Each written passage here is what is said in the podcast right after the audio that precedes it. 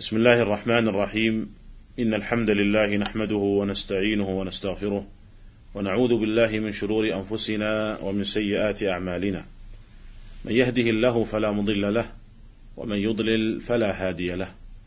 وأشهد أن لا إله إلا الله وحده لا شريك له وأشهد أن محمدا عبده ورسوله صلى الله عليه وعلى آله وصحبه وسلم تسليما كثيرا. أيها الإخوة المستمعون السلام عليكم ورحمة الله وبركاته.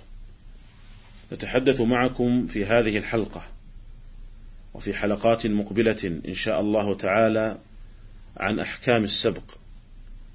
وهذا الباب من أهم أبواب الفقه خاصة في زماننا هذا الذي كثرت فيه المسابقات والمغالبات بل إنها أصبحت وسيلة من وسائل الربح والاستثمار لدى بعض المؤسسات والشركات.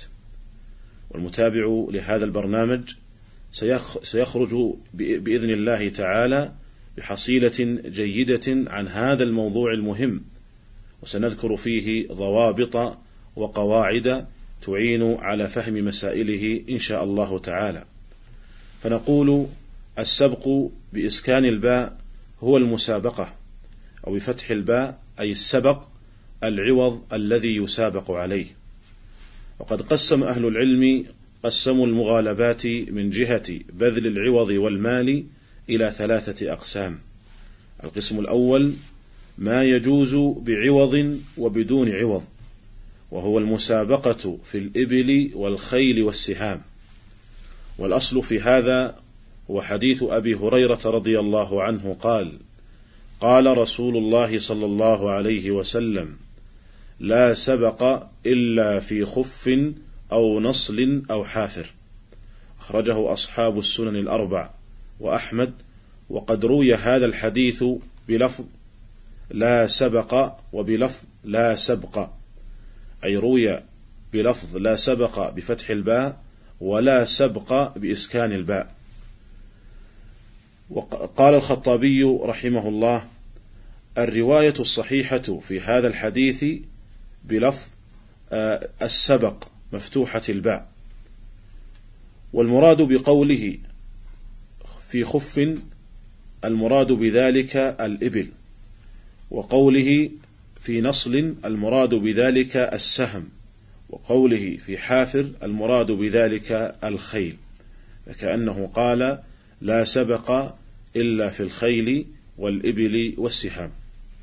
قال الإمام ابن القيم رحمه الله اتفق العلماء على جواز الرهان في المسابقة على الخيل والإبل والسهام في الجملة. القسم الثاني ما لا تجوز المسابقة فيه مطلقا وهو كل شيء أدخل في محرم أو ألهى عن واجب وقد اتفق العلماء على ذلك. القسم الثالث ما تجوز المسابقة فيه بدون عوض وهو كل ما فيه منفعة مباحة وليس فيه مضرة راجحة كالمسابقة بالأقدام ونحو ذلك. وجعل بعض أهل العلم جعلوا من القسم الأول وهو ما يجوز بعوض وبدون عوض ما كان فيه ظهور لأعلام الإسلام وأدلته وبراهينه.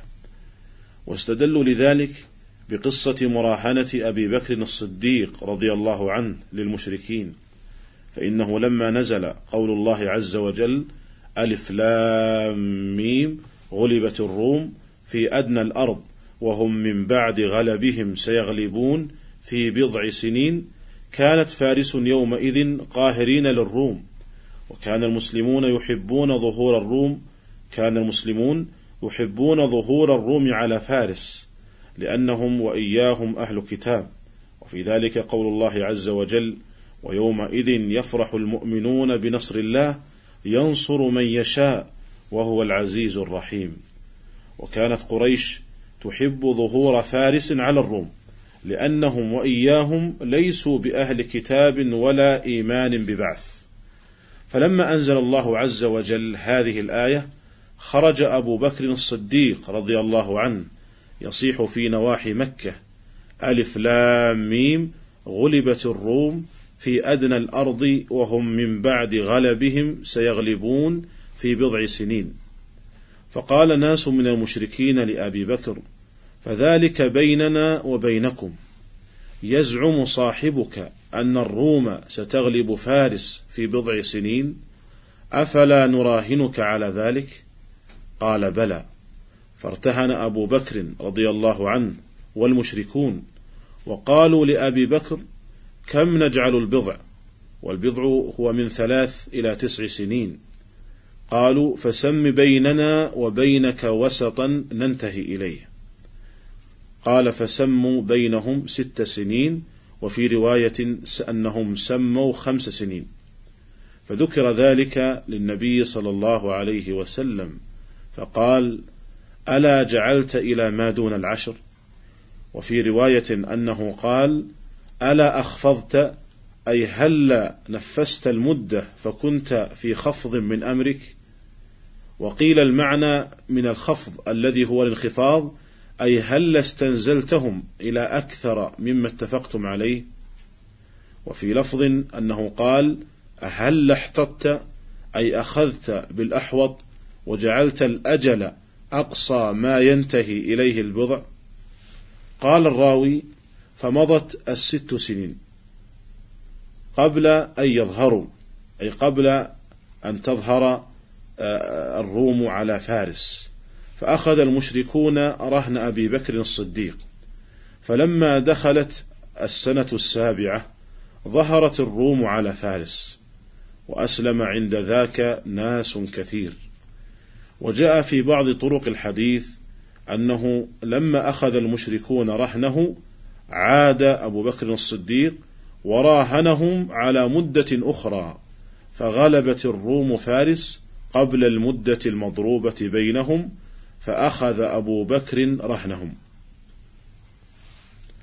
أيها الإخوة المستمعون، هذه القصة التي استمعتم إليها أخرجها الترمذي في جامعه، وذكر الإمام ابن القيم رحمه الله أن إسنادها على شرط الصحيح، وقال: اختلف أهل العلم في إحكام هذا الحديث. اختلف أهل العلم في إحكام هذا الحديث ونسخه، فادعت طائفة نسخه بنهي النبي صلى الله عليه وسلم عن الغرر والقمار وبحديث لا سبق إلا في خف أو نصل أو حافر وادعت طائفة أنه محكم غير منسوخ وأنه ليس مع مدعي نسخه حجة يتعين المصير إليها.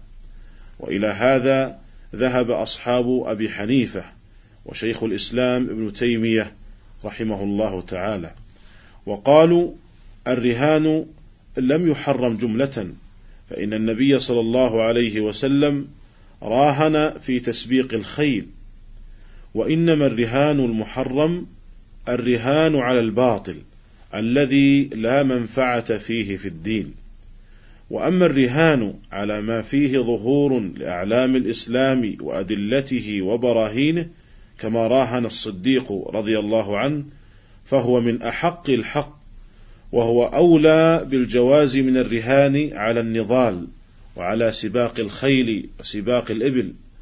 وأثر هذا في الدين أقوى لأن الدين قام بالحجة وبالبرهان وبالسيف والسنان. والمقصود الأول أو قال المقصد الأول إقامته بالحجة والسيف منفذ. قالوا وإذا كان الشارع قد أباح الرهان في الرمي وفي المسابقة بالخيل وفي المسابقة بالإبل لما في ذلك من التحريض على تعلم الفروسية وعلى إعداد القوة للجهاد فجواز ذلك في المسابقة والمبادرة إلى العلم والحجة التي تفتح بها القلوب ويعز بها الإسلام وتظهر أعلامه أولى وأحرى. أيها الإخوة المستمعون، تلخص مما سبق أن المسابقة لا تجوز بعوض إلا إذا كانت في الخيل والإبل وفي السهام أو كانت لإظهار أعلام الإسلام وأدلته وبراهينه، وما عدا ذلك فإن المسابقة لا تجوز فيه بعوض. ولكن ماذا عن المسابقات التجارية؟ وما الذي يجوز منها؟ وما الذي لا يجوز؟ وما الضابط في ذلك. هذا ما سنتحدث عنه في الحلقة القادمة إن شاء الله تعالى. فإلى ذلك الحين أستودعكم الله تعالى ونلتقي بكم على خير إن شاء الله. والسلام عليكم ورحمة الله وبركاته.